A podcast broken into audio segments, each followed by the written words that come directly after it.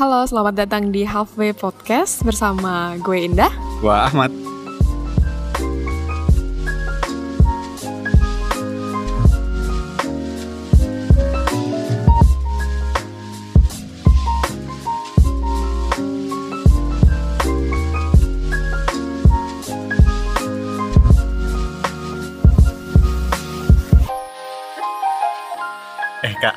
Kayak kemarin kita kan habis ketemu nih Waktu mau pulang kan pamitan kakak ngajakin tos Ah, ah. Ah, kan? Tapi aku nggak mau aku nggak mau tos kan. Ah, Kalau lu gimana sih kak? Kalau cara berpamitan sama teman-teman deket tuh aneh nggak sih kayak gitu? soalnya aku aku kebiasaan pamitan kan orangnya kan. Gila. Iya beneran. Kebe- Maksudnya ketika ketika goodbye gitu, bab maksudnya sampai ketemu lagi itu kan ya jadi kalau misalnya aku sendiri kalau aku berpisah gitu kayak pengennya tuh ya berpisah tuh ada ada ininya ada apa ya simbolnya ada gitu seremonialnya gitu. Heeh. kayak soalnya kebiasaan kan misalnya sama cewek kan paling cipika cipiki ya karena kamu cowok kan masa aku gituin Meskipun sama teman deket. Eh, iya Eh, misalnya gini. gak ngerti ya apa ya Misalnya gini nih, sama temanmu satu kos gitu. Oh ya enggak sih. Satu ayo kan. balik ya habis iya habis ketemu orang. Ketemu bareng-bareng kan? Terus pulang. Itu kalau salaman aneh nggak sih? Orang nanti mau ketemu di kos ya kan beda.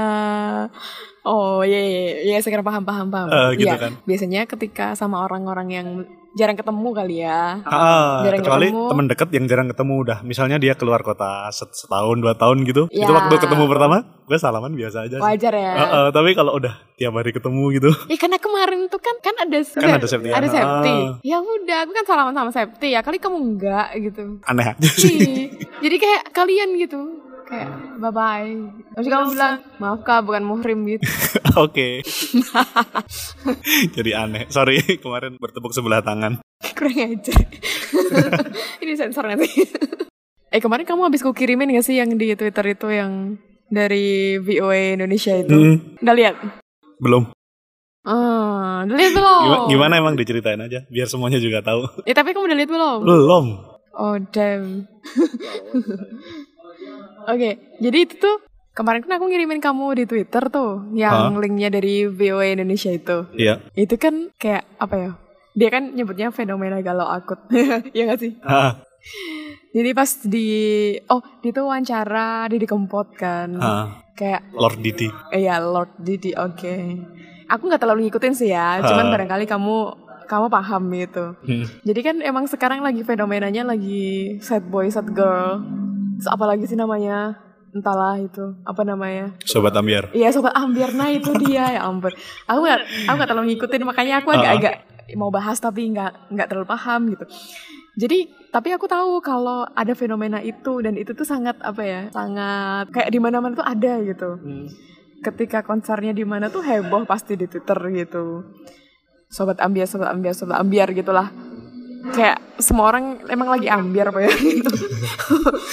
lagi menikmati aja kali Jadi kalau kalau kamu sendiri mandangnya gimana sih dengan fenomena itu? gimana gimana maksudnya gimana Kenapa ya? Berarti kan kayak orang tuh sangat menikmati musiknya di Kempot gitu. hmm. Itu tuh karena apa sih? Kamu sendiri gimana? Kamu ke- kamu ini nggak termasuk pendengarnya beliau nggak? iya dong Oke baik. Nah ini menarik ini.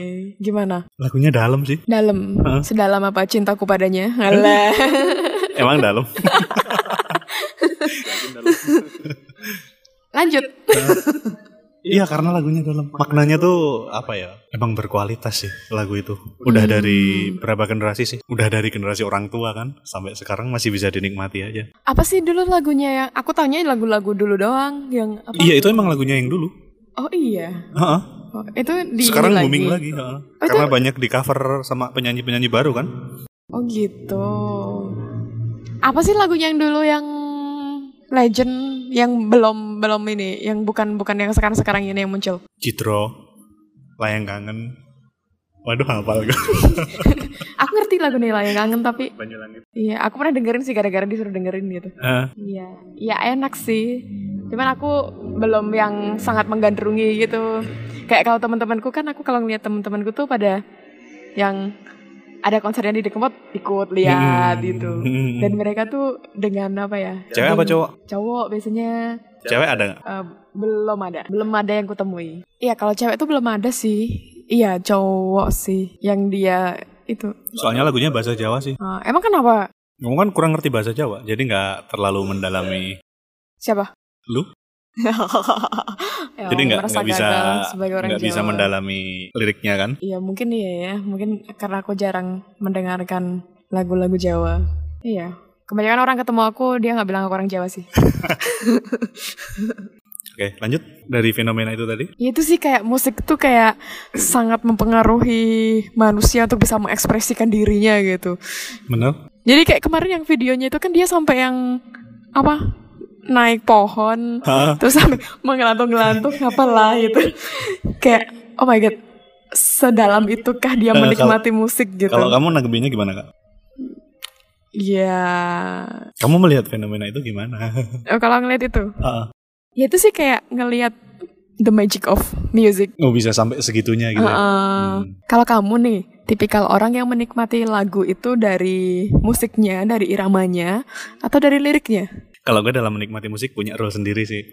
Misalnya menikmati musik waktu galau sama buat temenin kerja beda loh. Oh gitu. Apa Ah. bedanya? Beda kalau buat temen kerja tuh biar semangat kan. Itu lebih musik-musik yang ngebeat kayak gitu. Lebih yang tidak perlu dinikmati dari segi lirik tapi yang penting ada iramanya. Ah. Heeh. jadi itu buat kerja tuh enak. Terus kalau kamu kerja kan suka yang dengerin yang ngebeat. Hmm. Terus kalau yang galau. Enggak enggak selalu ngebeat juga. Oh, enggak selalu ngebeat. Eh, Oke. kalau kerjanya santai dengerin yang tapi itu sih lebih ke lebih ke irama kalau buat temen kerja itu yang penting iramanya enak Ah. tapi kalau eh, jadi gua ada playlist isinya musik-musik galau jadi gua Oke. ada playlist khusus ya buat lagu-lagu yang menurut gua punya kenangan itu yang gua dengerin waktu galau Oke. Eh, misalnya waktu SMP, gue lagi deket sama orang ini, gue lagi dengerin musik ini, eh, itu bakal teringat terus. Besok setiap gue dengerin musik itu bakal teringat memori itu kan. Jadi itu playlist itu nggak boleh sembarangan diputar, cuma sekali-sekali. Kalau waktu galau banget itu baru diputar, biar memorinya tuh nggak, biar tetap rasanya tuh ada ketika diputar tuh feelingnya tetap dapat. Oh, berarti kalau lagi pas, pas pengen galau, itu kamu dengernya itu gitu ya, playlistnya Ya, itu gitu. Jadi musik ini ingetannya sama ini tergantung lagi mau galauin siapa. Asem. Kalau kamu gimana kak? Oh gitu, tergantung mau galauin siapa. Kan masing-masing lagu punya cerita sendiri. Iya iya iya ya, benar benar benar benar. Tapi emang ini sih kalau aku lihat eh kalau aku pernah baca itu kan musik itu tuh emang Eh, tahu nggak di playlist gua hmm, itu berdasarkan waktu. Jadi ada folder musik 2017, 2018. Kalau aku lagi pengen inget eh, masa-masa tahun 2018 gitu, yang gua putar folder itu OMG di playlist kayak gitu. segitunya. Hmm, jadi setiap musik tuh punya momen-momen sendiri yang disimpan. Kayak lagi buka-buka album foto gitu jadi. Ketika kamu dengerin emang yang rasanya apa? Ya jadi keinget misalnya tahun 2018 nggak cuma kalau-kalau tentang cinta ya. Iya. Jadi misalnya 2018 itu masanya lagi pertama ngekos, dapat pengalaman mulai hidup sendiri gitu jadi inget masa-masa pertama kali ngerasain hidup sendiri itu kayak gimana. Oh. Jadi sesuai dengan playlistnya. Tapi itu ini, kamu menikmati liriknya atau atau musik Nah, aja kalau, yang ingetin? kalau lagu seperti itu lebih ke lirik ketika dengerin lagu itu meskipun di cover misalnya pakai jadi akustik, jadi dari genre lain itu tetap keinget aja. Hmm. Jadi bedanya tadi kalau buat yang kerja itu lebih ke ritme ya, lebih ke irama. Tapi kalau buat untuk mengenang sesuatu itu mengenang momen gitu tuh pak Hmm. yang lirik ya. Yes. Hmm, oke. Kamu gimana kak? Kalau aku tuh sebenarnya tipikal orang yang dengerin lagu kebanyakan Hmm? li- dari lirik. Gitu. Aku suka memaknai sesuatu, Allah. Jadi kayak beberapa lagu-lagu yang beberapa lagu itu tuh emang kayak kena banget di aku gitu.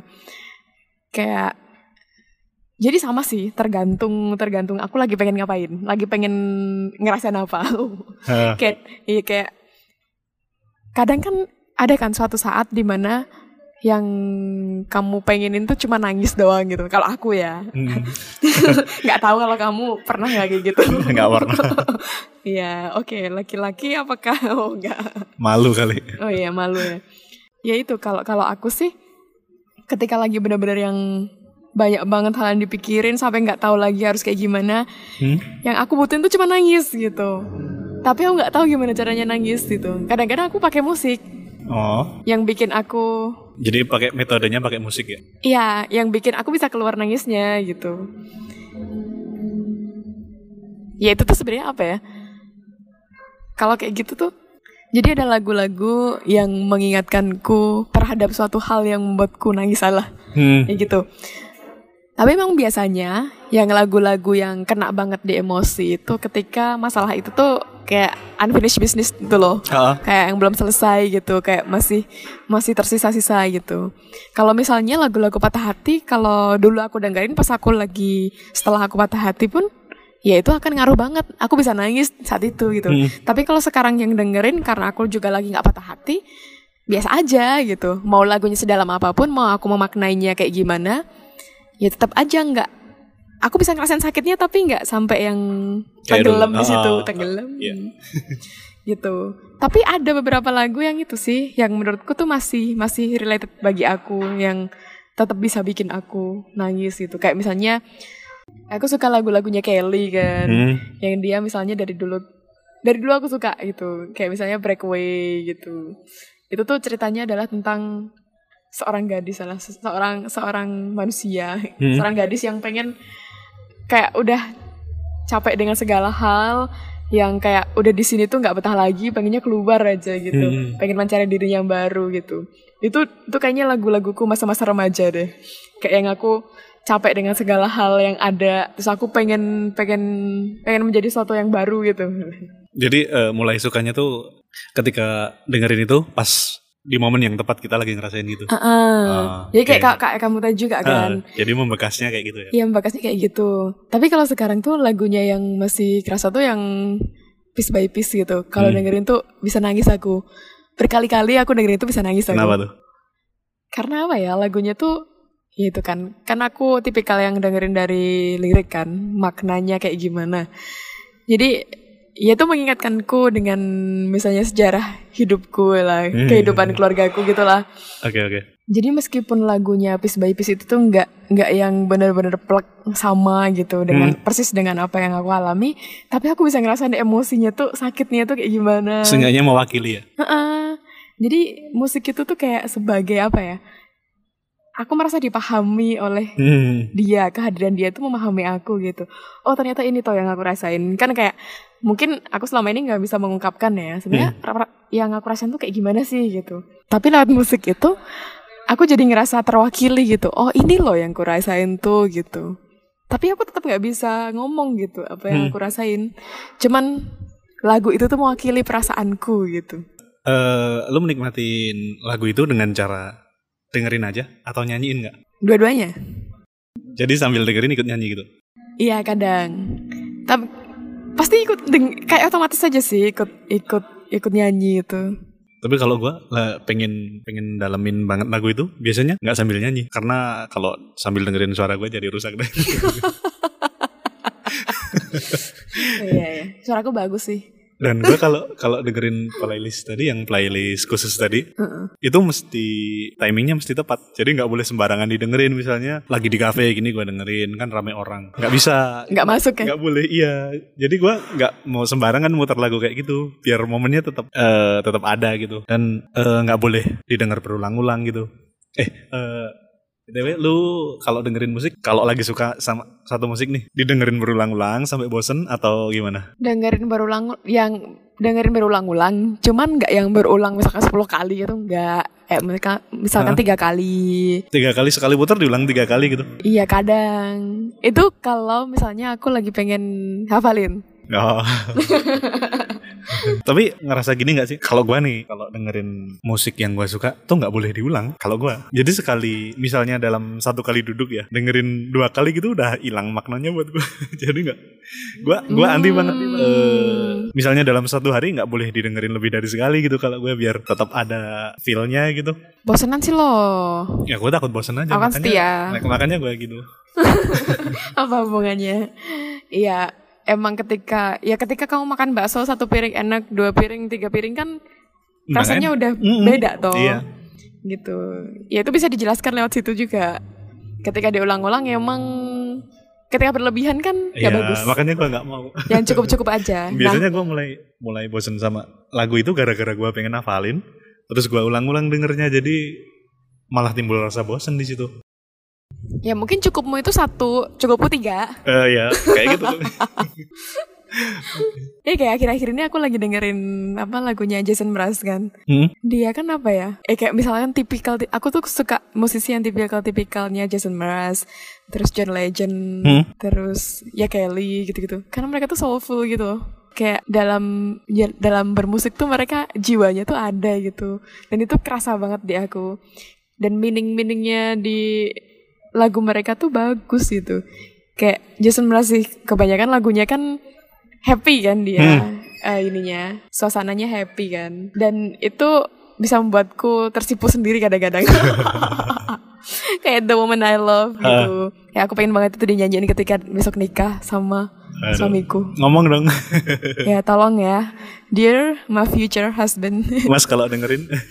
ya Catat ya. kamu harus dengerin ini ya tolong besok dinyanyikan lagu Jason Mraz yang the woman I love Oke, padahal ini nanti gue akan. Astagfirullah jangan dikat Oke. Jahat parah Itu Berarti kan ini ya Musik itu membuat kita merasa dipahami Hmm, Merasa nggak sendiri Iya bener. Bahwa yang ngerasain itu tuh nggak cuma kita Ternyata yang nyanyiin juga Maksudnya Apa ya Ya nggak cuma kita doang kan Hmm. Ya kalau misalnya yang menikmati lagunya di Didi Kempot itu kan semua orang eh banyak orang ternyata menikmati. Berarti kan gak cuma kita yang ngerasain sakit. Iya. Ngerasa banyak temennya kan ini. Iya. Terus emang ini sih kayak musik itu kan apa ya? Iya, jadi tuh musik tuh selain tadi kan mewakili perasaan kita gitu. Mewakili apa yang kita rasakan yang tidak bisa terungkapkan, apalagi kamu kan. Kamu kan jarang ini kan mengungkapkan perasaan gitu. Kalau- kan bisa nangis, bisa apa gitu. Iya. Kalau kamu kan bisanya diem. Terus ya diem. Nggak ada ekspresi lain selain diem. Habis diam aja udah selesai ya. Yakin udah selesai.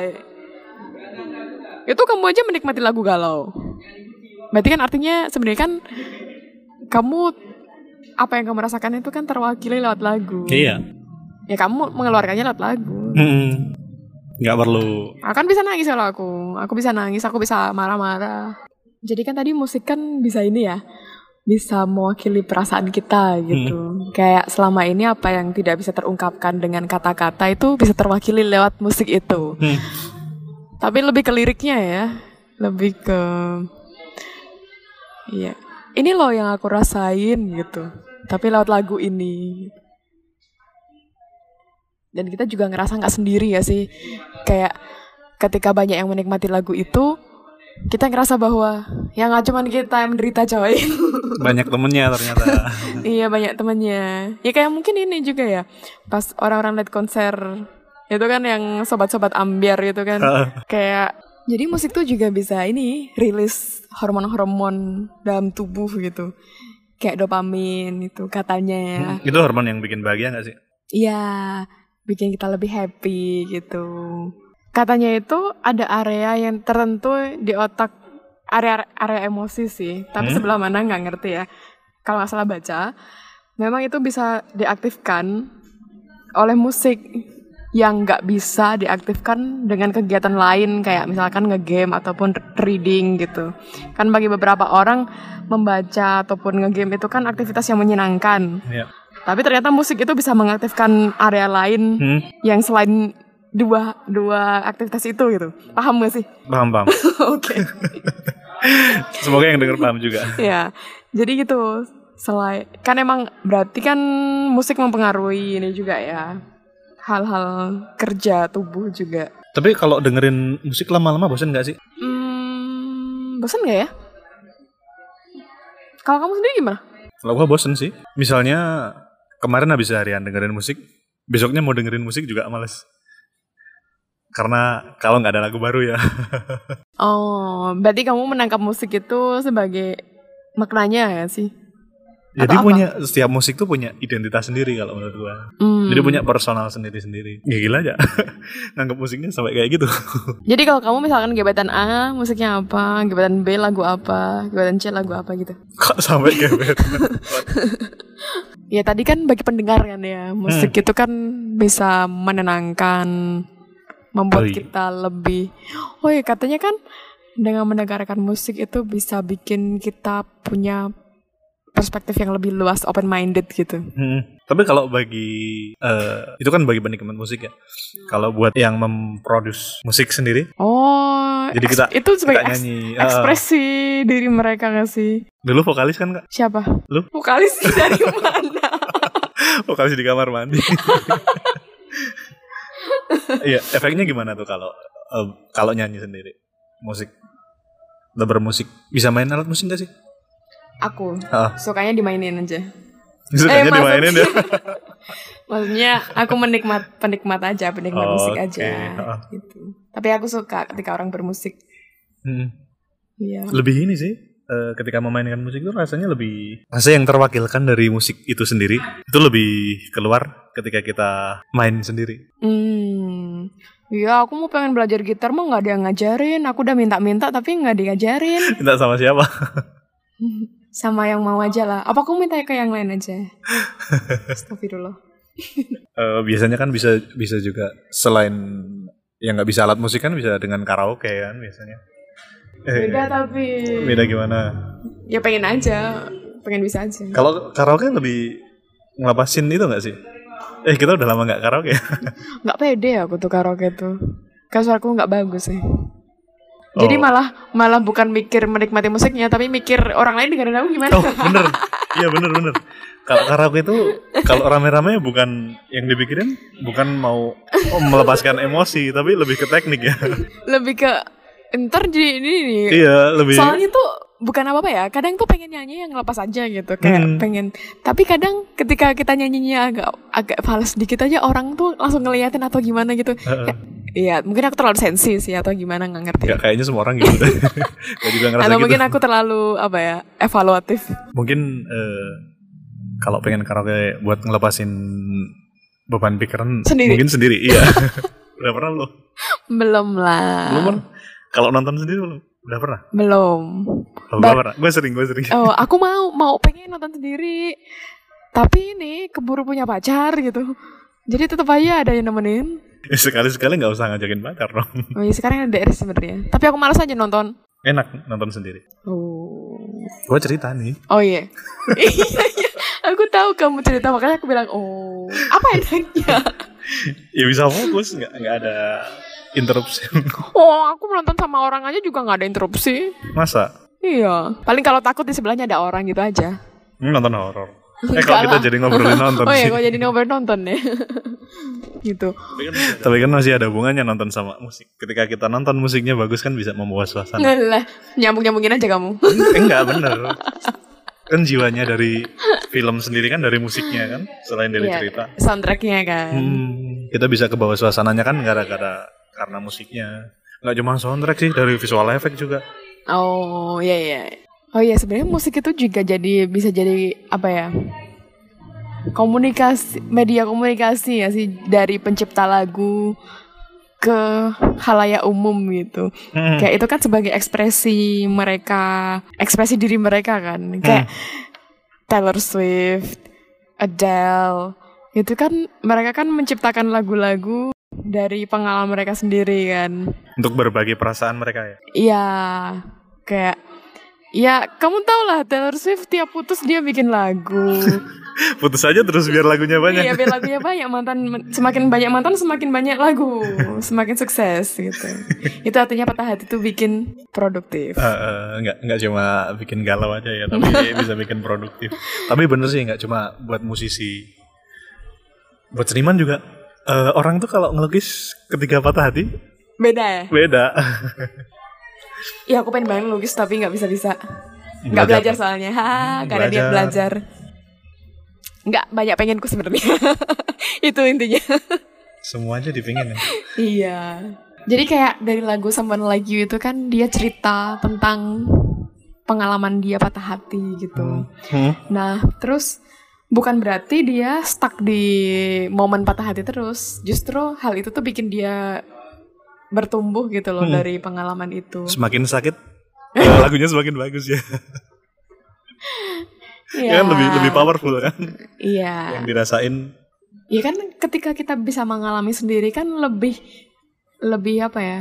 Lebih lebih kerasa Ya, iya sih? lebih menjiwai kan. Nah, di orang lain juga tersampaikan gak sih Hmm. ketika memang kita beneran nyanyi.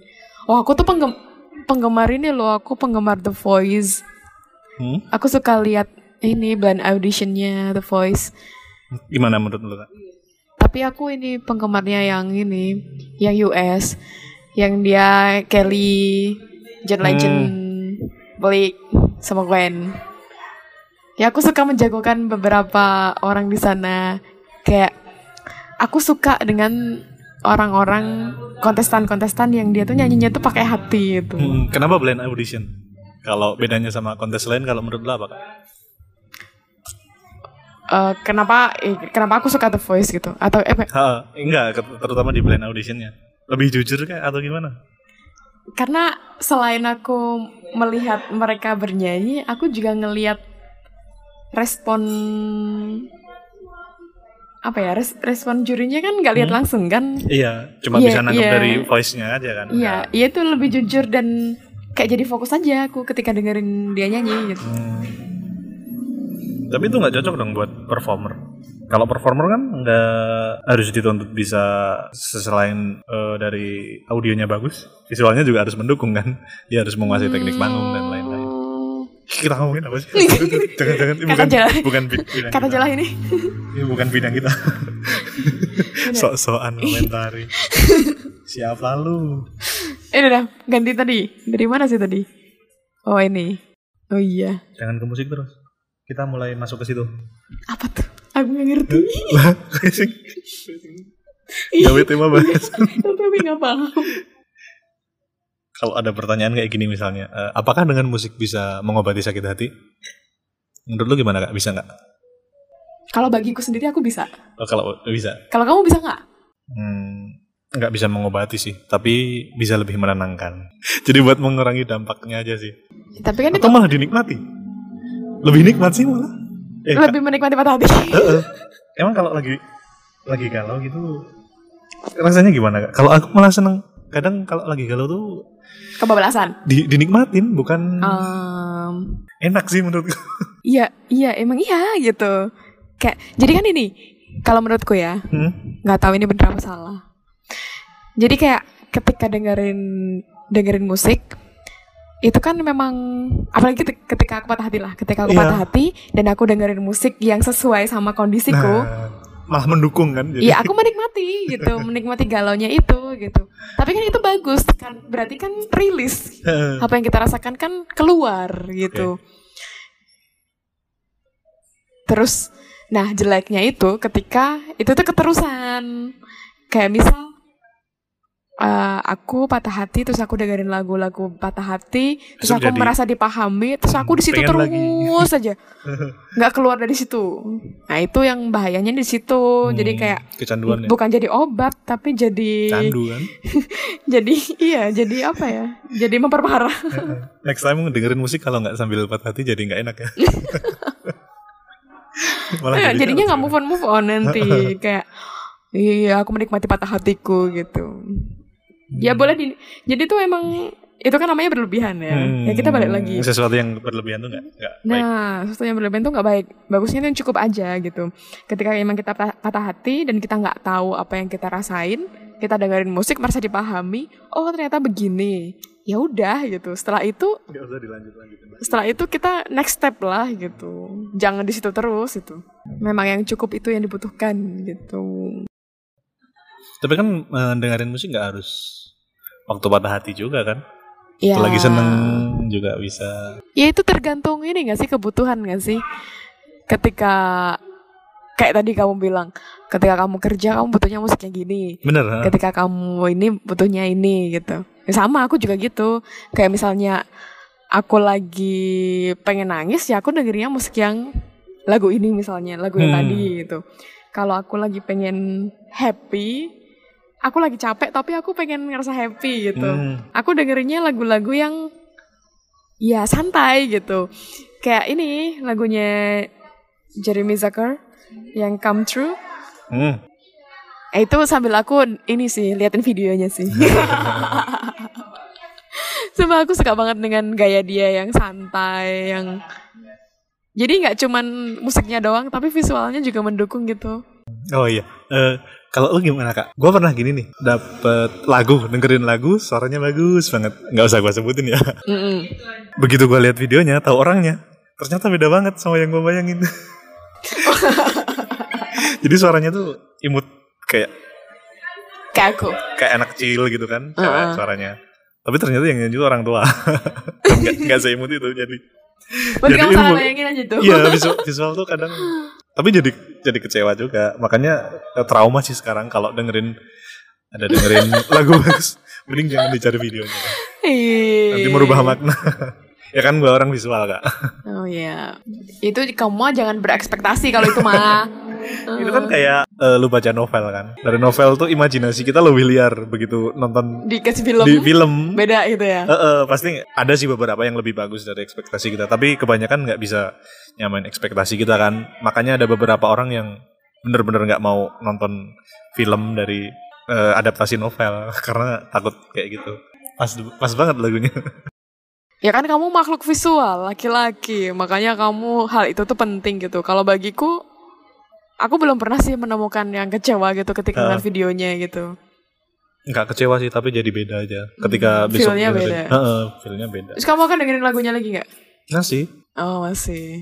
Ya aku seneng aja ketika ketika dengerin lagu enak tuh biasanya aku cari videonya. hmm.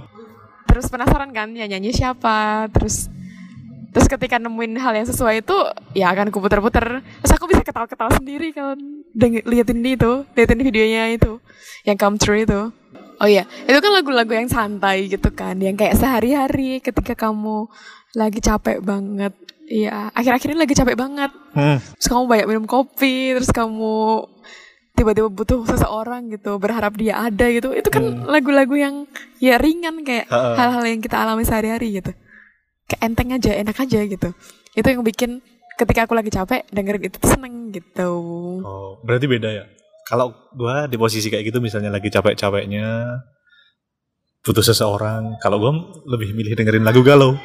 Karena sesuai dengan suasana dan temanya. Nah, karena aku- kalau aku sih sadar diri ya. Aku sadar diri kalau kalau aku LDR gitu. Jadi kayak kalau galau pun ya bakal lama ketemunya. Jadi mending happy happy aja. Tuh. Ya. Jadi setiap orang punya cara sendiri-sendiri ya dalam Iya. menikmati musik. ya namanya musik kan selera ya. Kayak politik agama itu kan juga selera sebenarnya. Hmm. kita nggak bisa membuat orang tuh sama. Semuanya orang suka sayur A gitu. Ah bisa kan? Bagus nih temanya bisa namanya selera gitu buat buat bahan eh, episode berikutnya kali ya. ya kayak ya kayak fenomena sekarang politik agama. Itu nggak bisa coy disamakan jadi satu gitu. Emang itu namanya selera beda-beda orangnya. Ketika mau dipaksa jadi satu ya nggak akan bisa. Kayak musik juga. Misalnya eh, musiknya kangen band. Hmm. musiknya Adele. Hmm. musiknya Dewa. Terus ketika di masing-masing apa ya, masing-masing musisi itu kan punya punya penikmat sendiri-sendiri kan. Hmm. Misalnya aku lebih suka kangen band dibanding Dewa gitu. Hmm. Jadi ya emang aku sukanya kangen band gitu. Kenapa aku jadi ketawa tuh kan? Nggak bagus nih, aku berarti tidak menghargai. Ini tolong dikat. Maksudnya eh, itu kan cara menikmati musik. Iya kayak musik dangdut, musik rock itu kan mereka punya penikmat masing-masing. Hmm. Kalau sekarang eh, kamu masih milih-milih nggak buat menikmatin musik genre tertentu gitu? Aku memang cenderung genre tertentu, Ah. kayak pop. Ih sekarang aku lagi mulai nih suka-suka musik-musik country gitu. Hmm? Tapi menikmati doang sih, bukan yang untuk menyanyikan untuk apa. Intinya aku lebih suka musik yang soulful lah, yang full of meaning gitu, yang dari hati gitu. Gitu. Kalau gue sekarang lagi eh, masih belajar ya tapi belum ini Eh, belajar mencoba nggak terlalu menyukai genre tertentu dan tidak membenci genre yang lain gitu. Oh, Jadi, pernah ada pengalaman kualat po? Hah? Pernah ada pengalaman kualat po? nggak lagi mulai open minded aja Oh, sih sekarang. mantap. Heeh. Semakin dewasa semakin berumur ya. Iya. Gara-gara sering diceramain Oh, sama siapa? sama lu kan. Oh, iya. Tiap habis recording pulang-pulang terus ini apa introspeksi diri kan. Astagfirullah, kok jadi serem. Bagus bukan serem. iya. Menuju 2020 lebih baik. Mantap. Ini nyalek po. Lama-lama jadi ini ya. Ini jadi podcast ini adalah eh, iya. ternyata sebenarnya di belakang ini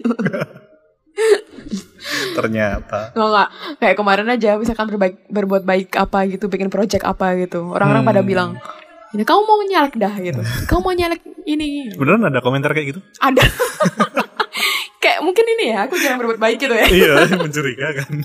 jarang bikin bikin project apa Hmm, gitu terus ketika sekali bikin langsung Iya. dibilang ya ini dalam rangka dia mau nyalek gitu ya emang bener sih kayak kita kan nggak boleh sebenarnya nggak boleh berlebihan dalam Apa pun. apa pun yang baik tuh yang cukup-cukup aja gitu suka sama Sesuatu. musik musik Hmm. aku bilang Oke. ya biasa aja sukanya gitu nggak yang nggak yang suka suka sampai berlebihan sampai misalkan aku- suka K-pop aku sampai harus ke Korea aku harus datang setiap konsernya BTW suka K-pop enggak kan? enggak Biasanya Aku cewek tidak- kan suka. aku tidak membenci Ah, tapi aku yang tidak suka teman-teman pada suka nggak? Iya, se- Banyak ada, ada, banyak ada. yang suka. Iya, iya, iya. Aku belum ini sih. Belum mencoba untuk menikmatinya dan Hmm. belum tertarik untuk menikmatinya aja. Oke. Aku masih tenang dengan hidupku yang sekarang. jadi aku nggak perlu nyari yang aneh-aneh sih. Aku lebih suka ten- ketenangan. Oke. Kalau kamu suka K-pop ya jangan-jangan?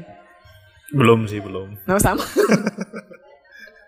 Tapi kan bukan nggak benci juga kan. ada nggak kamu pengen banget lihat konser apa gitu nggak? Konser. Konser siapa gitu? Siapa? Aku pengen banget lihat konsernya Banda Neira live. Hmm. Tapi sekarang udah nggak mungkin. Karena udah bubar. Oh, iya.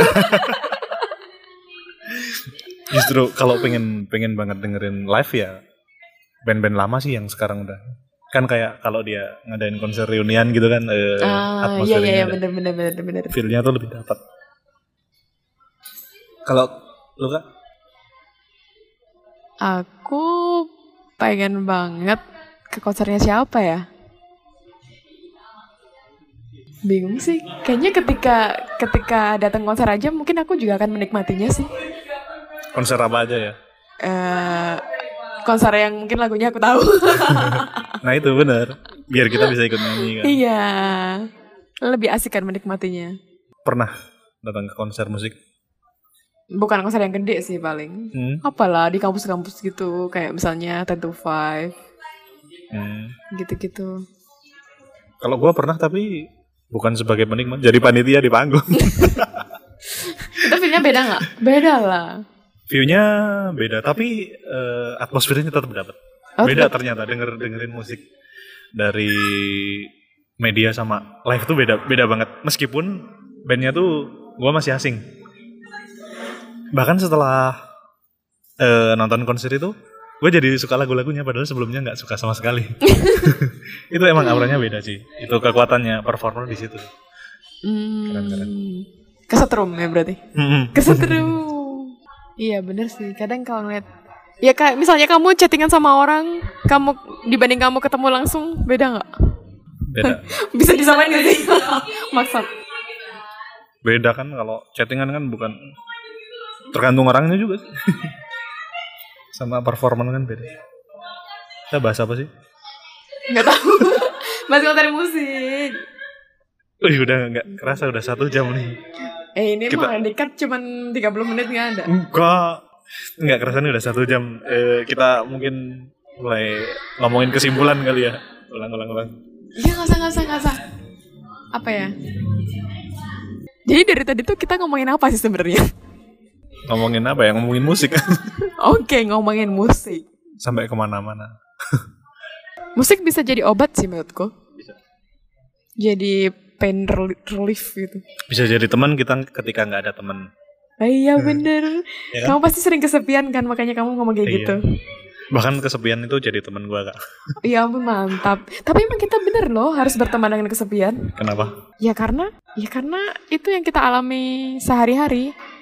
Jangan dikira orang punya pacar tuh nggak pernah kesepian loh. Kalau pacarnya LDRan ya kesepian. kayak gitu. Orang-orang yang udah menikah pun bisa ngerasain bisa kesepian. ngerasain kesepian. Eh, mungkin bisa gitu. dibahas di next episode nih. Oh iya oke. Keren. Jadi kan eh, yang kita sampaikan tadi kan pendapatmu dan pendapatku gitu. Hmm. Dan itu berdasarkan pengalaman, hasil baca, gitu-gitu doang gitu. Dan pemikiran kita dan, masing-masing. ya. dan imajinasi kita gitu. Jadi bisa aja emang beda dengan orang lain atau juga kita bisa salah info info juga kan pas baca itu salah gitu. Ya semoga bisa menambah ini aja sih informasi bagi orang-orang aja sih gitu. Hmm. Ya, emang kita newbie gitu kan. Jadi guys, misalkan ada ide untuk topik selanjutnya atau ada pertanyaan yang mungkin pengen banget tahu dari perspektif kita, orang-orang yang nggak jelas Lebih gini. ber- berbagi cerita juga. Ya, atau bisa berbagi cerita gitu. Nanti bisa cek di Instagram kita di Halfway Podcast, H A L F W A Y Podcast. Oke. Lama juga ngomongnya. Ya, cek aja di Instagram, nanti akan ada link ke email kita atau kalian juga bisa DM ya. Misalkan itu emang singkat gitu. Nanti kita akan bahas di sana. Dan semoga juga bisa jadi tempat bagi kalian untuk mengekspresikan. Misalkan kalian pengen sharing tentang ini gitu, kalian bisa nyampein di situ. Nanti kita sampaikan lewat sini. Gitu aja. Oke. Terima kasih udah Oke, terima mendengarkan kasih podcast teman-teman. kita. Eh, sampai jumpa di episode selanjutnya. Bye.